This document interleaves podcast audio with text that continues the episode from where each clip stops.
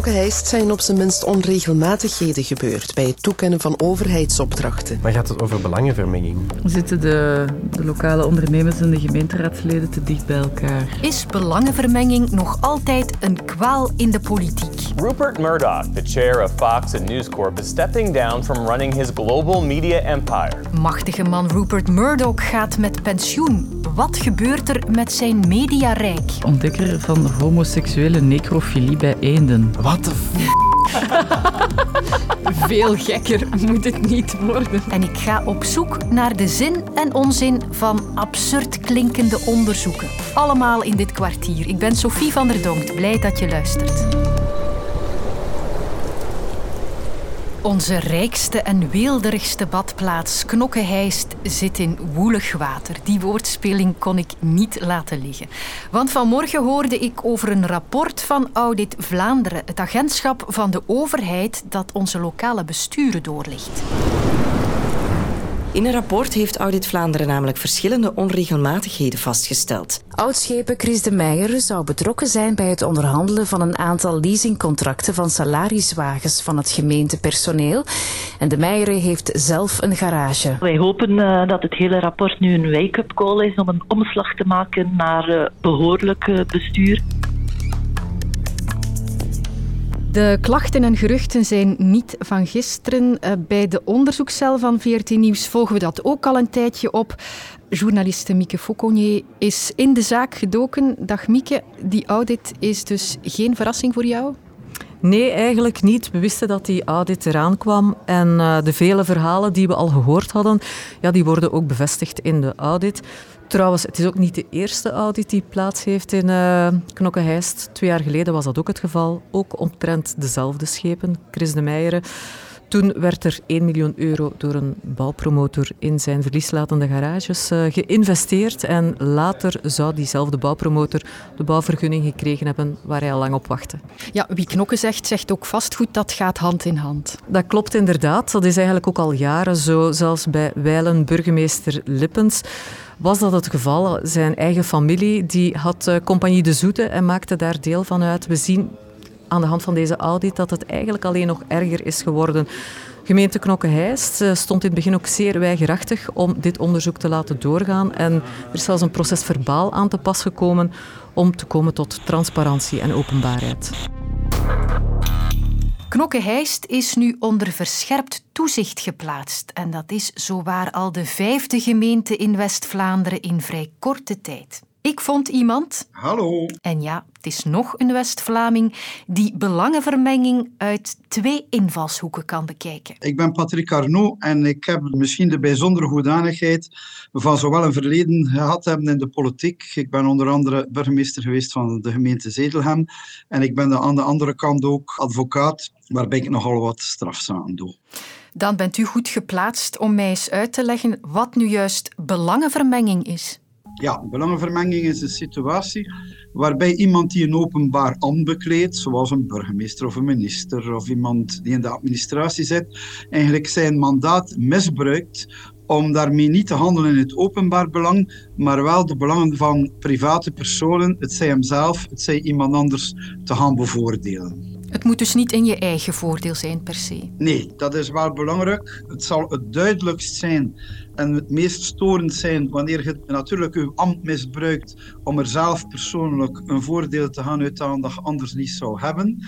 Maar het is niet noodzakelijk. Het kan ook voor uw broer of voor uw echtgenote of in, in strafrecht zelfs nog voor gelijk wie iemand anders zijn. Heeft u het tijdens uw carrière als politicus vaak zien gebeuren, zaken die niet konden, die roken naar belangenvermenging?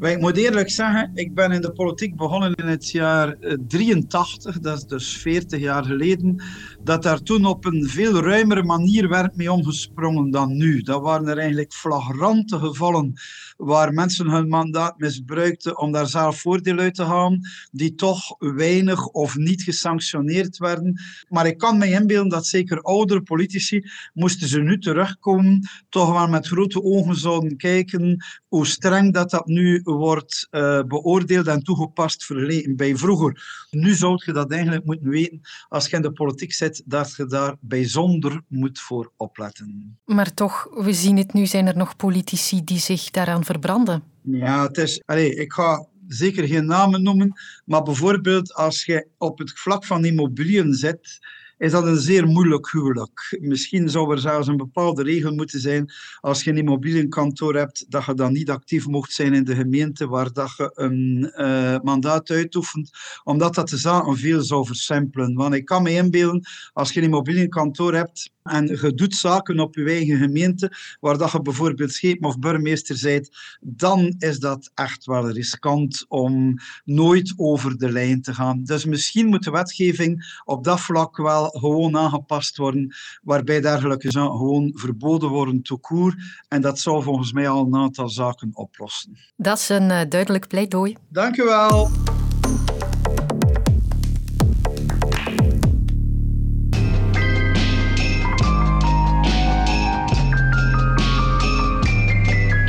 Als je dit deuntje kent, dan gaat je hart ongetwijfeld sneller slaan, want dit is de soundtrack van Succession. De HBO-reeks over oude mediamagnaat Logan Roy en zijn kinderen, die allemaal vinden dat ze in aanmerking komen om het media-imperium van hun vader over te nemen. Fuck off! Messen in de rug, bakken geld, drama en intrigue.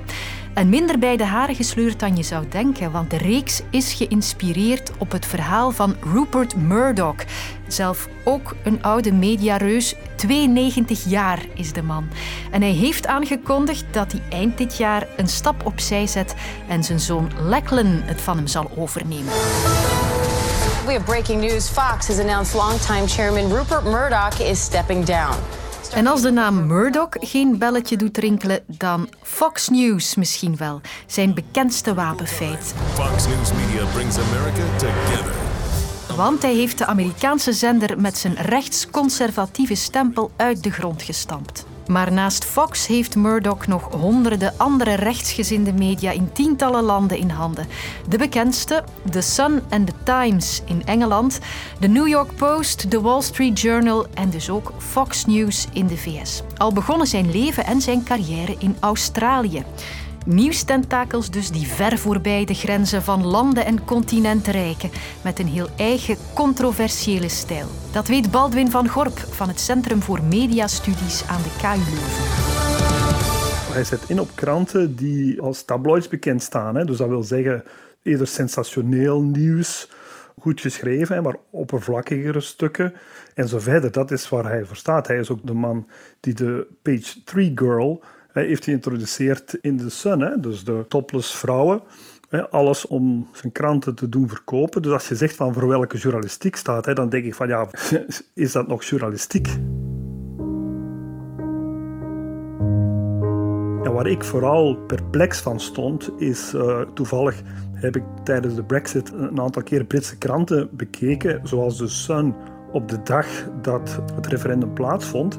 Dat was van begin van de eerste pagina tot de laatste pagina was dat duidelijk pro-Brexit.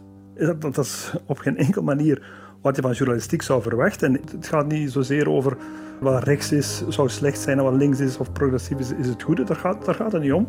Het gaat echt over, je moet je, je journalisten en je redacties onafhankelijk laten oordelen, verschillende stemmen aan bod laten komen, kritisch zijn en die waakhondfunctie vervullen. Als je op een bepaald moment je kranten gaat benutten om te bepalen wie dat president wordt van de Verenigde Staten.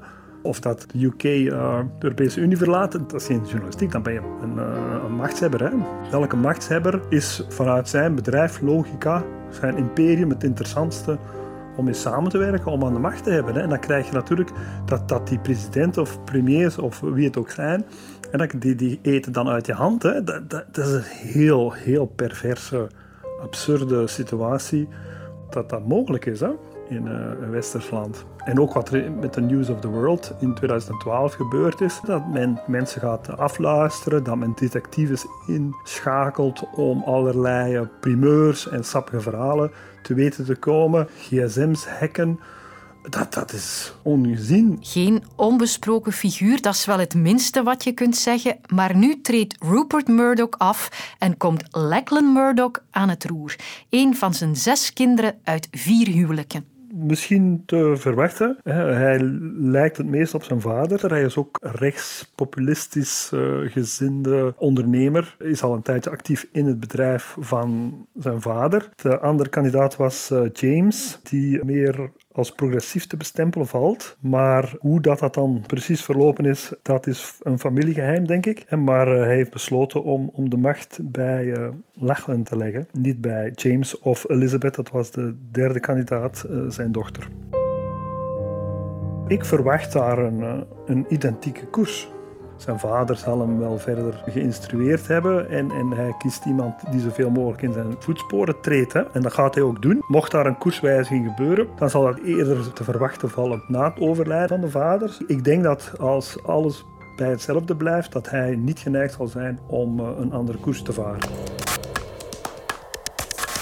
Nee, ik wil mijn online collega's zeker niet in discrediet brengen, maar wat ik nu weer tegengekomen ben op vrtnieuws.be.